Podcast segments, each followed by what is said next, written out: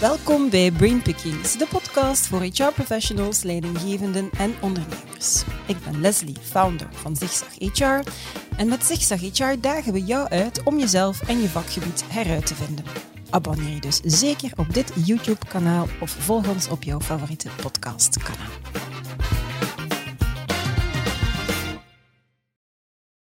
Al decennia lang weet Ormit Talent de geesten en de harten van jong toptalent te winnen. En dat toptalent matchen ze dan met topbedrijven. In de podcast met Thomas de Wulf, CEO van Ormit Talent, vertelde hij enthousiast hoe Ormit jong talent aantrekt, hen helpt groeien, investeert in hun ontwikkeling om ze dan na een traject van twee jaar af te geven aan bedrijven. Wel, in deze podcast kruip ik in het hoofd van zo'n jong talent, Anne-Sophie Adriaans. En Anne-Sophie Adriaans is Customer and Channels Expert bij BNP Paribas Fortis. Zij volgde een traineeship bij Ormit. En ook Helen Stokmans schuift mee aan. En Helen is Net Promoter Business Partner Corporate Banking bij PNB Paribas Fortis. Ze is een mentor van Anne-Sophie. Het is een podcast over talentmanagement, talentontwikkeling, over het onwaarschijnlijk grote belang van nieuwsgierigheid en hoe de mix van gretig jong talent en ervaren routiniers tot succes leiden. Want dat blijkt echt wel de succesformule van Ormit. Welkom dames. Dankjewel. Dank Alles goed met jullie? Ja hoor, Ja. zeker. Zijn jullie er klaar voor? Helemaal. Hebben we er zin in? Ja, echt wel, ja. Oké, super. Dan gaan, we, dan gaan we erin vliegen. Hè. Ik ehm, ga beginnen bij jou, Anne-Sophie, als ik mag. Ehm, neem ons eens mee zo naar, naar de opstart hè, eh, bij Ormit Talent. Hoe ben je bijvoorbeeld bij Ormit terechtgekomen destijds? Hoe gebeurt dat? Ehm, ik denk dat dat voor iedereen heel anders is, maar voor mij was dat eigenlijk heel toevallig. Mhm. Ehm, ik heb twee jaar in Rome gestudeerd, na mijn studies nog, omdat ik eigenlijk totaal niet wist wat ik wou doen. En dat is eigenlijk een beetje de trend gebleven. Ik heb Ja. geen idee wat ik wil doen. Nog Ehm, altijd niet? Nu wel. Oef. het begint, het Ja, begint te komen, Mhm. maar het was wel een heel moeilijk traject. Uh-huh. En omdat ik niet wist, heb ik eigenlijk voor zoveel verschillende dingen beginnen solliciteren die eigenlijk geen lijn hadden, geen steek hielden. Het was eigenlijk een beetje overal gewoon pikken wat ik wou. Ja.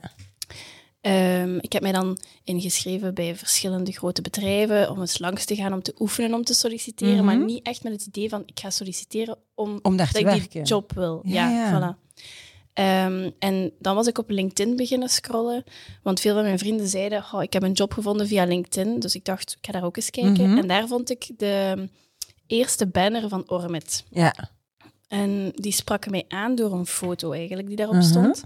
Dus ik heb daarop geklikt en dat was eigenlijk gewoon corporate banking, BNP Paribas Fortis, Ormit. Dus ik heb niet verder gekeken naar andere traineeships. Ik dacht gewoon, oké, ik heb finance gestudeerd. Ik wil Mhm. daar wel nog verder in gaan, maar hoe weet ik niet.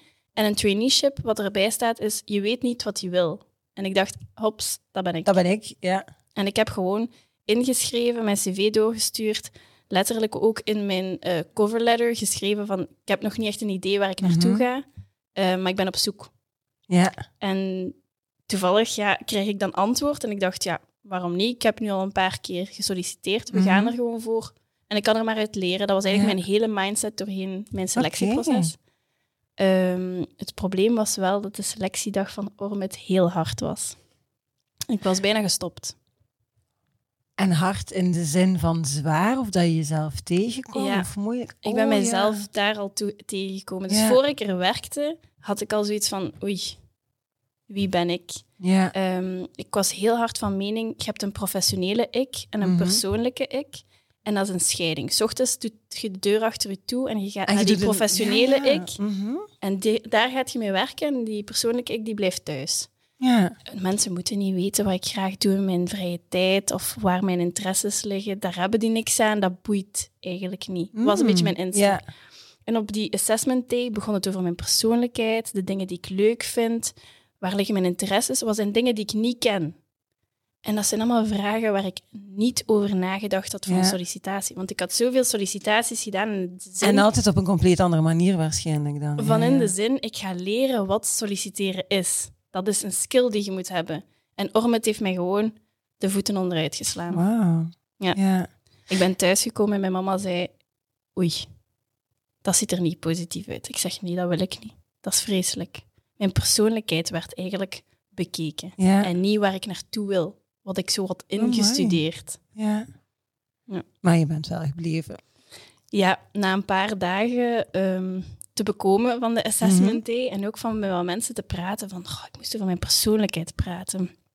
Ehm, zei mijn vriend ook van... Ja, maar dat is toch zo slecht eigenlijk niet? Mhm. Want je bent een sociaal persoon, dus waarom zou je dat nu afsluiten? Ja. Misschien leert je iets. En ik dacht, goh ja, ik weet toch niet wat ik wil. Ik zal dat dan maar doen. Ja. Ja. ja. ik vind dat eigenlijk wel straf, want we hebben, eh, we hebben ook al een podcast gedaan met, eh, met jullie CEO. Hè? En hij beschreef eigenlijk eh, wat het effect is dat hij wil bekomen, wat dat jij ondergaan hebt. En hij noemde het zelfs, als ik het mij goed herinner, een beetje de midlife crisis naar voren schuiven. Want veel mensen hebben dat als ze dan eh, naar de 50 gaan, van wat wil ik nu eigenlijk in mijn leven? En veel mensen blijven met die vraag zitten.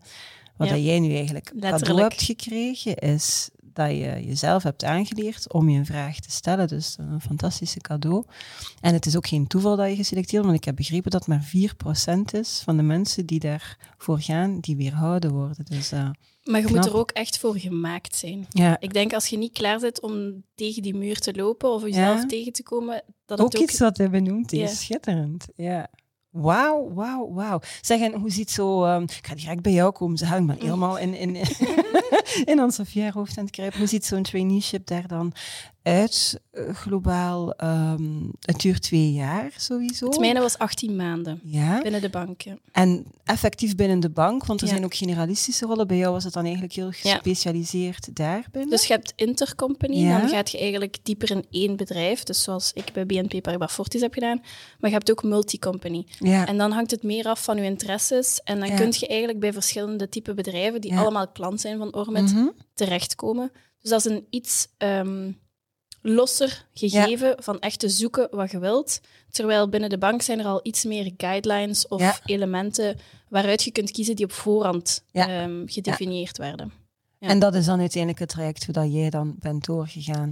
Gedurende 18 maanden, waarin dat, je kiest niet zelf de rollen, maar je gaat door een traject om ze wat te leren kennen dan. dus het zijn eigenlijk vijf missies. Mhm, De eerste drie liggen vast, dus je hebt eerst een maand van kennismaking, een beetje meevolgstage. mhm. Dan heb je ehm, drie maanden als kredietenanalist, dus dat je echt kredietdossiers vastneemt, leert kennen. Dus eigenlijk echt een heel specifieke materie aangaat. Ja. Dan heb je vier maanden als relatiebeheerder, dus dan krijg je dat klantencontact. Dus je ziet, er komen al verschillende Ja. skills aan bod. Ja. En dan de laatste twee mag je eigenlijk kiezen. Dat zijn er twee van vijf maanden, waar je een lijst krijgt. En Mhm. mag je kiezen waar je interesses liggen. Je moet eigenlijk opnieuw solliciteren, een beetje leren kennen Ja, ja, ja. hoe, de hoe dat team voelt, hoe het werk voelt. Dus dan heb je terug een beetje die vrijheid. Maar het eerste deel ligt wel iets Ja. meer vast. ja. En ondertussen werkt Ormit aan jouw persoonlijke ontwikkeling. Amai, nog niet. en zo ben je dan eigenlijk bij Helen terecht gekomen. Ja, doordat ik een specialer traject heb dankzij corona. Oké, hold that thought. Ga even naar Helen. Binnen een, eh, een Ormit Talent Traineeship krijgen trainees een mentor ook altijd toegewezen, waar dat ze dan gedurende gans dat traineeship beroep kunnen opdoen. En voor een van de missies kwam ze inderdaad eh, bij jou terecht, maar jij was haar officieuze mentor, had ik begrepen. Officieus, hoe, hoe komt dat dan?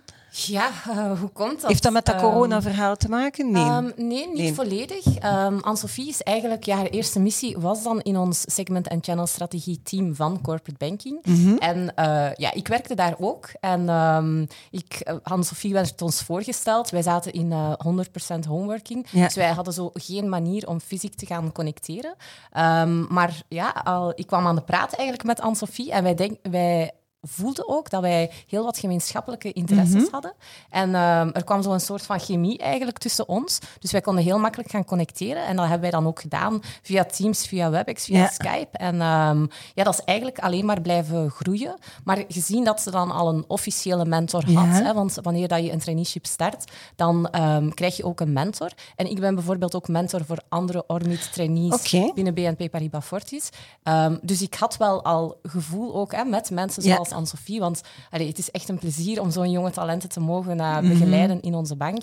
En ehm, ja, vandaar zijn we eigenlijk verder gegaan en ben ik een beetje haar officieuze eh, mentor Ja. geworden. En ben ik haar gewoon blijven volgen doorheen gans haar traineeship Ja. eh, binnen BNP Paribas Fortis. En daardoor ook dat wij vandaag eigenlijk eh, een derde van onze tijd Ja, samen, samen, spenderen. ja. Maar ik heb het wel officieel gevraagd hè, om uw Klopt. officieuze mentor te worden. Ik heb het heel lief gevraagd. Zelfs met Ja. een bloemetje. Ja. Wauw, knap. Maar dus op basis van een chemie dat je eigenlijk voelt van Ja. hier, hier, we kunnen veel voor elkaar betekenen, veel van elkaar leren en gewoon fijn, Ja. fijn samenwerken. Daar komt het ook Ja, er moet echt wel Ja. zo die vibe zijn tussen eh, twee personen. Dat is echt wel heel erg belangrijk. En die hebben wij gewoon eh, heel hard gevoeld van het eh, begin eigenlijk. Ja, knap. Je kan het dus wel degelijk door een, een, een- computerscherm heen voelen. Hè? Want heel vaak wordt er gezegd, je kunt niet connecteren. Het zal moeilijker zijn, maar je kunt het dus duidelijk wel. Ja, Het was ook wel een beetje omdat het moest. Mhm. Ja, ja, gaat geen alternatief inderdaad. Maar dan, Dan- zoekt ja. je rapper naar bepaalde mensen waar dat je dan meer die Mhm. directe connectie mee hebt. Want je hebt niet iemand gewoon random tegenkomen Inderdaad. eh, in de Ja. gebouwen. Dus eens dat je zo ergens dat kleine sprankeltje hebt, dan is het van, oh, ik ga die persoon toch terugbellen, want Ja, ik weet al hoe dat, dat gaat verlopen. ja, Of ja. ik mag mij al een beetje op mijn gemak voelen. Oké, mooi. Zeg, wat maakt eigenlijk eh, dan, Helen, dat jullie bij BNP Pa- Paribas Fortis, ik nu al omgekeerd zeggen, voor een, eh, zo een traineeship gekozen hebben? Maar Ormits van je zei, ja, het is heel fijn om met jonge mensen samen te werken.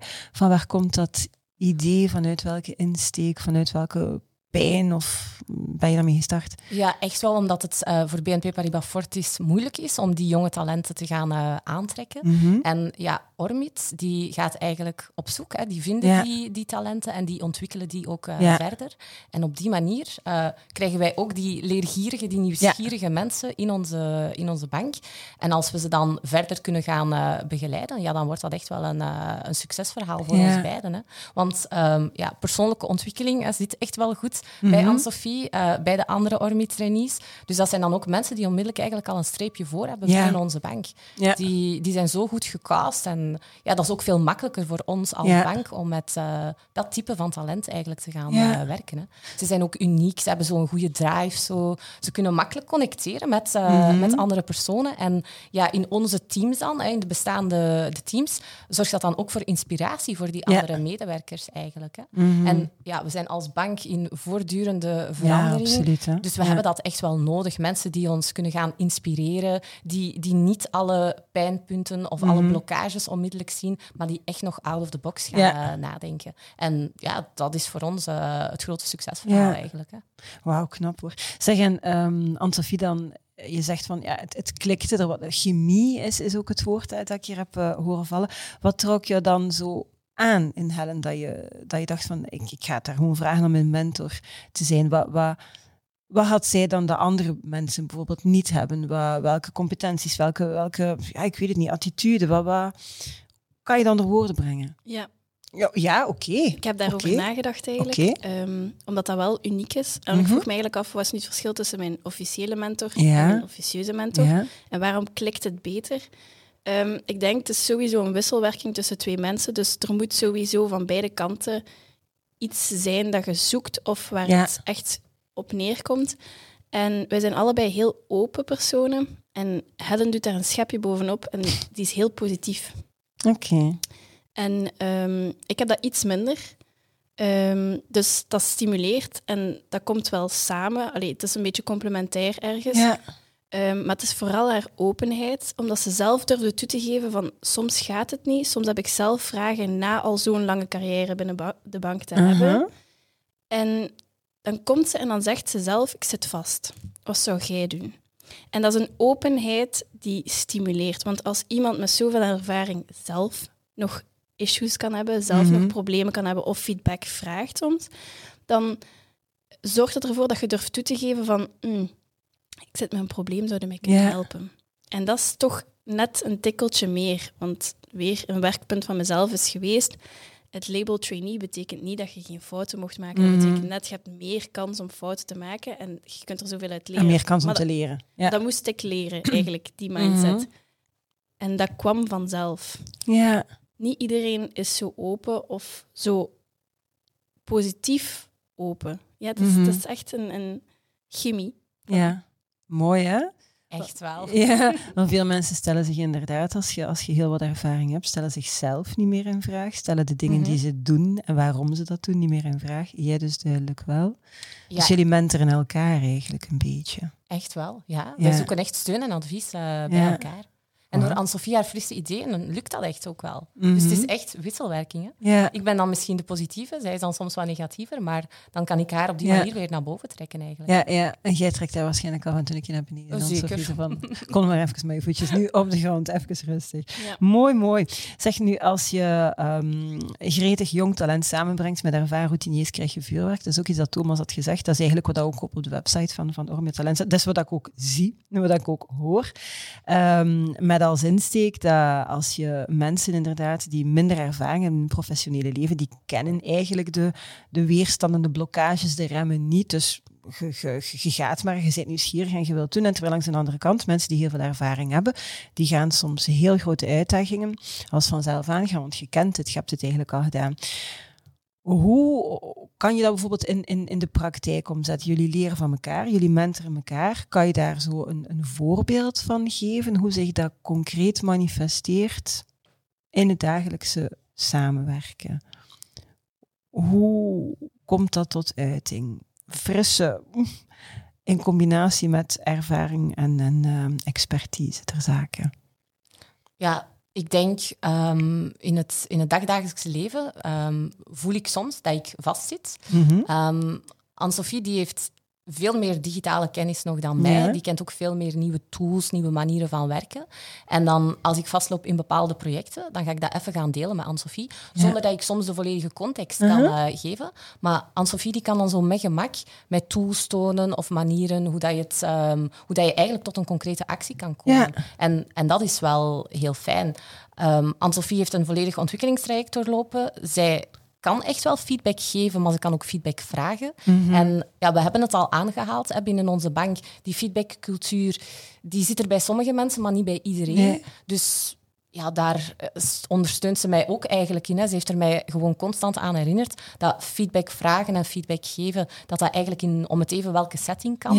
En daar zat ik eigenlijk eerder zo wat in vastgeroest. Ik wist dat ik in bepaalde eh, sessies of communities, dat je daar zeker feedback moet vragen, maar niet op elk Mhm. moment.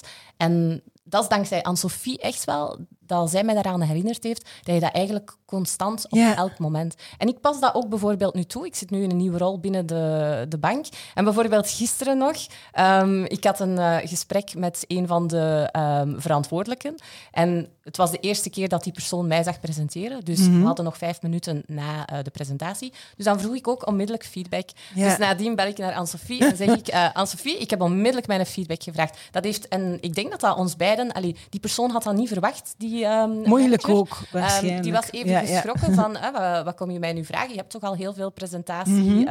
Allee, het lijkt mij dat je al heel veel presentaties eh, gegeven hebt. Maar ja, die was ook wat gechoqueerd. Maar ik denk dat we dat meer en meer moeten gaan doen eigenlijk. Mhm. En met iedereen.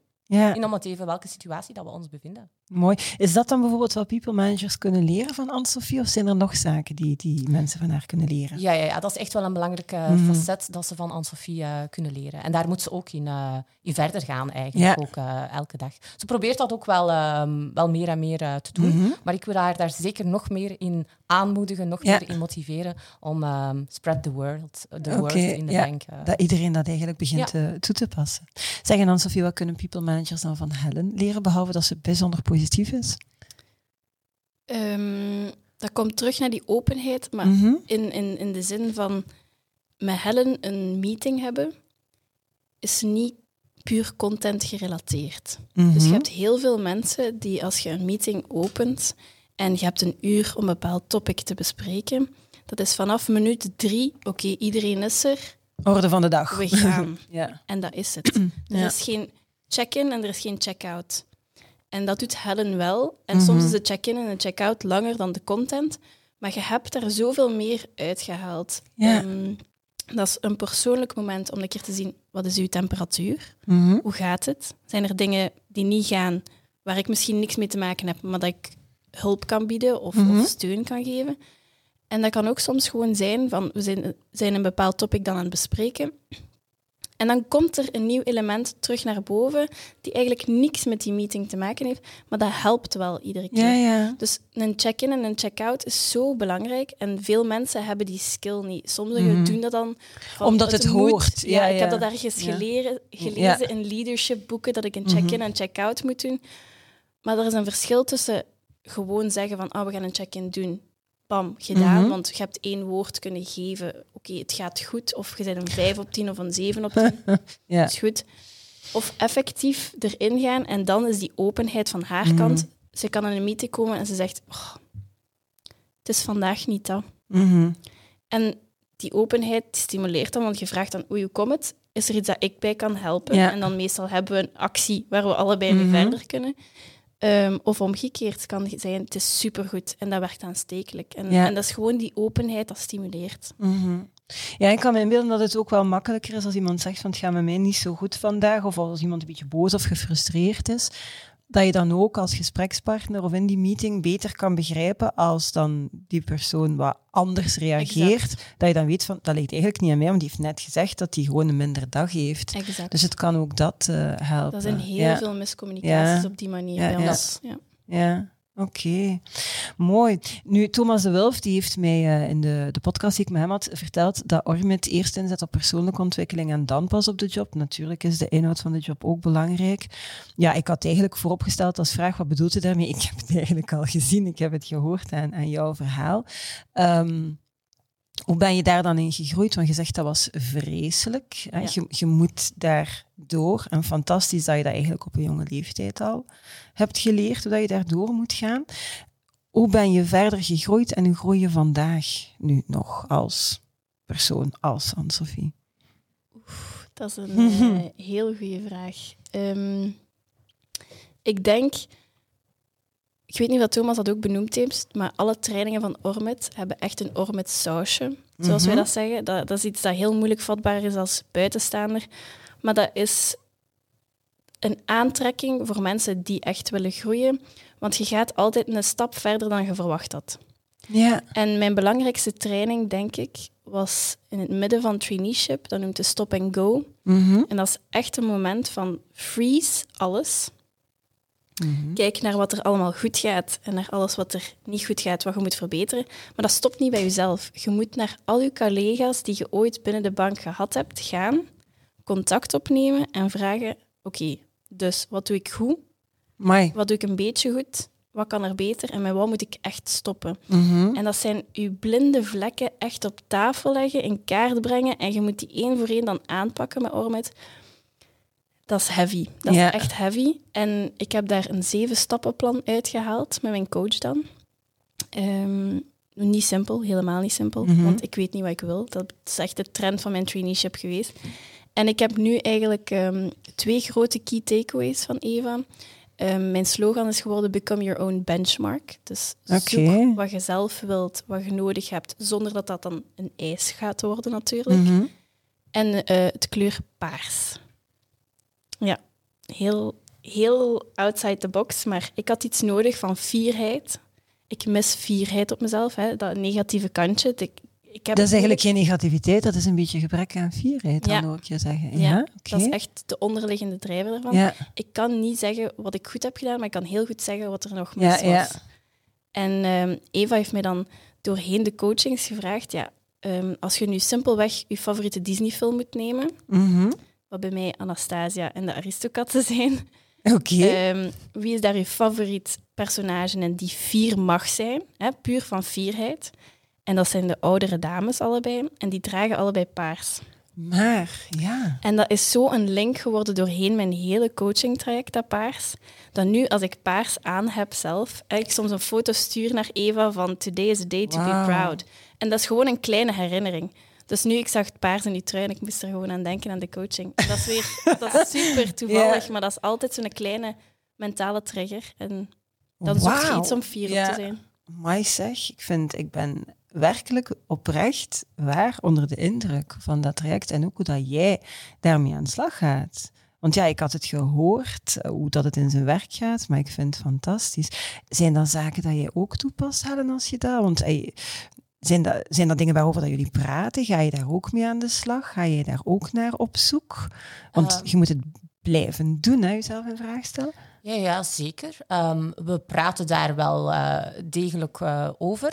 Uh, niet zozeer hè, die kleur paars, want dat heb ik hier nu ook net geleerd. Dus ik ga daar echt wel op letten. Oei. Als het een paarse dag is, hè, hoe goed dat de dag ja, ja. wel is. En hoe dat zich dat dan uit in vergelijking met de andere dagen. Mm -hmm. um, maar ja, wij, wij, wij praten wel heel veel. En ik, allee, ik sta echt wel naast aan Sofie. Ik, ik, ik begeleid, ik luister. Um, en je kan dan zeggen, hè, dat is dan eerder professioneel. Mm -hmm. maar het gaat ook verder dan dat. Ik probeer daar ook wel meestal uit te dagen en uh, ja, beschikbaar te zijn. En zoals dat ze aangeeft, um, ik vraag niet alleen over hè, met onze context waar mm -hmm. we mee bezig zijn, ook daarbuiten. En zo probeer ik eigenlijk een beetje een, een soort van omgeving van vertrouwen, want dat is het echt wel. Hè. Wij ja. hebben een soort van vertrouwensrelatie uh, ja, met elkaar. Hè. Zij heeft inkijk in, in het mijne, ik heb inkijk in het hare. En zo begrijpen we elkaar eigenlijk heel erg uh, goed.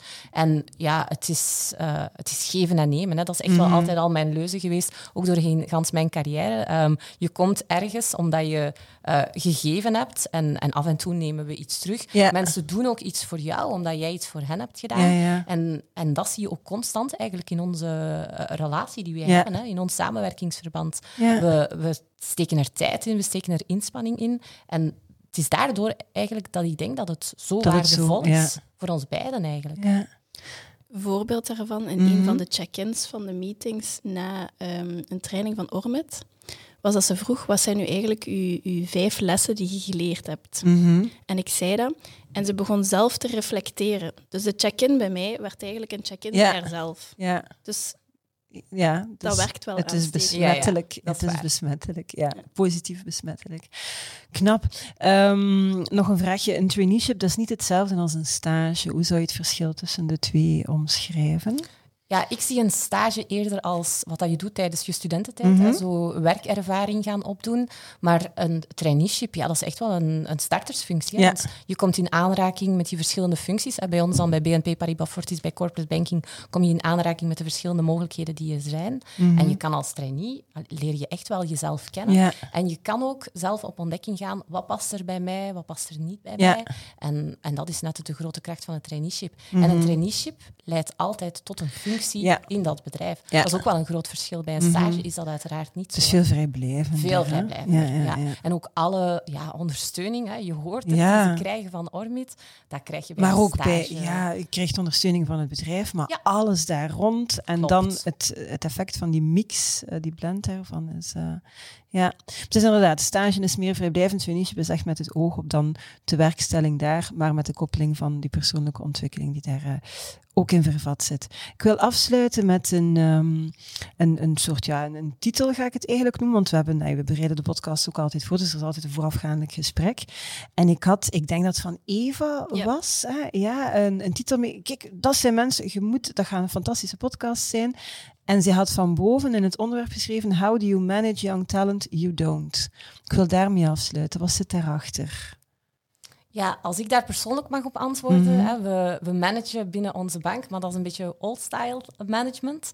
Uh, jonge talenten, ja, die moet je echt niet op die manier gaan begeleiden. Mm -hmm. Je moet die eerder gaan betrekken bij alles wat, uh, wat we doen. Ze moeten ook de bigger picture gaan begrijpen. Hè, wat is hun rol in onze structuur, in onze strategie die we nu op poten aan het zetten zijn. Dat is echt wel belangrijk. Je moet ook transparant communiceren. Mm -hmm. um, geef de carrière mogelijkheden mee, dat geeft hen ook perspectief. En, en ook luister vooral. Hè. Het zijn mensen die feedback kunnen geven, die feedback kunnen vragen. Dus luister daarnaar. Ze hebben frisse ideeën, ja. ze hebben zoveel suggesties. Ga daarmee aan de slag. En, vooral dat. Ja, ja daarmee ga daarmee aan de slag. Aan de slag. En, en, en waardeer ze ook. Hè. Geld is een vorm van waardering, maar dat is niet alles. Hè. Mm. Er zijn zoveel andere mogelijkheden en, en daar moet er echt op gewerkt worden. Te kijken ja. naar die andere mogelijkheden. Zoals, hè, vindt uh, de, de juiste mentor ook in het bedrijf, dat is ook een vorm van... Um, allee, ik zie dat ja. ook als een, een waardering eigenlijk. Dus, Absoluut. Dus allee, iedereen is ook anders, uiteraard. Maar um, voor jonge talenten, one size fits it all, dat werkt nee. totaal, nee. totaal niet. Knap. Heb jij daar nog iets aan toe te voegen, Anne-Sophie? Ja, ik denk dat voor zeker mijn generatie en de generatie die komt, impact heel belangrijk mm -hmm. is. We zijn heel hard op zoek naar waar kunnen wij impact leveren, hoe kunnen wij bijdragen en hoe kan ik iets doen ja. dat een steentje bijdraagt. We zijn minder op zoek naar iemand die vertelt wat je moet doen en perfecte uitvoering. Mhm. Ehm, en ik denk dat dat wel heel belangrijk is in de zin die Eva ook meegeeft. Als managers meer die coaches worden en helpen op zoek gaan naar waar iemand op de juiste plaats kan gaan zitten en daar zijn impact kan hebben, dat iedereen daar zoveel beter van gaat worden. Mhm. En als we blijven in het oude, allee, of het meer hiërarchische van manager ehm, managed, dan, dan voelen wij ons soms, of allee, ik ga niet voor iedereen spreken, maar voel ik mij vaker ehm, vrij bekrompen in de mogelijkheden en dan word ik ook minder impactvol. Mhm. Ik verlies ook effectief die drive om met nieuwe ideeën te komen. ja. Ehm, en dat denk ik is wel heel belangrijk, dat dat meer en meer bekeken wordt en een meegenomen Dat het, wordt. dat ja. het effectief ingang vindt. En het zou eigenlijk, als ik daar nu bij stilsta, al mogen beginnen met hoe we talent management omschrijven. We zeggen letterlijk van, wij zoeken jong talent dat enthousiast is en dan komen die binnen en dan gaan we ze managen. Exact. En dan gaan we ze zeggen dat ze moeten doen. Het is uiteraard nooit met slechte bedoelingen, maar als ik jou dat hoor zeggen. En het- mag ik dat echt, want dat vind ik soms heel moeilijk, het, het ganse generatieverhaal. Ik heb een zoon van 22 en een dochter van 16. Ik vind dat die al compleet verschillend zijn, hoe dat die in het leven staan en nog, niet in, nog maar net in het werk bij, bij mijn zoon. Ehm, is dat iets dat ik echt mag doortrekken over al jouw leeftijdsgenoten, die impact? Is dat iets dat je echt heel... Tuurlijk zijn er altijd uitzonderingen, maar is dat iets echt heel fundamenteel? Zeker over de oormitters kun je dat doortrekken. Ja. Mhm. Ehm, ik denk zelfs dat iemand dat ooit de O-factor had genoemd. Mooi. Ehm. Dat het is van echt impact te willen hebben en daar ook uzelf in te leren kennen. Waar en hoe ziet dat er precies uit? Is dat voor een hele generatie? Nee, iedereen is anders. Again, one fit Ja, ook dat all, klopt dat totaal. Ja, ja. Nee, Mhm. dat denk ik niet. Maar ik denk als we het model gaan herbekijken en iemand die misschien minder impact wil hebben, Mhm. toch naar die normen gaan bekijken en daar een oplossing voor zoeken, dat Gaat wel werken. Ja.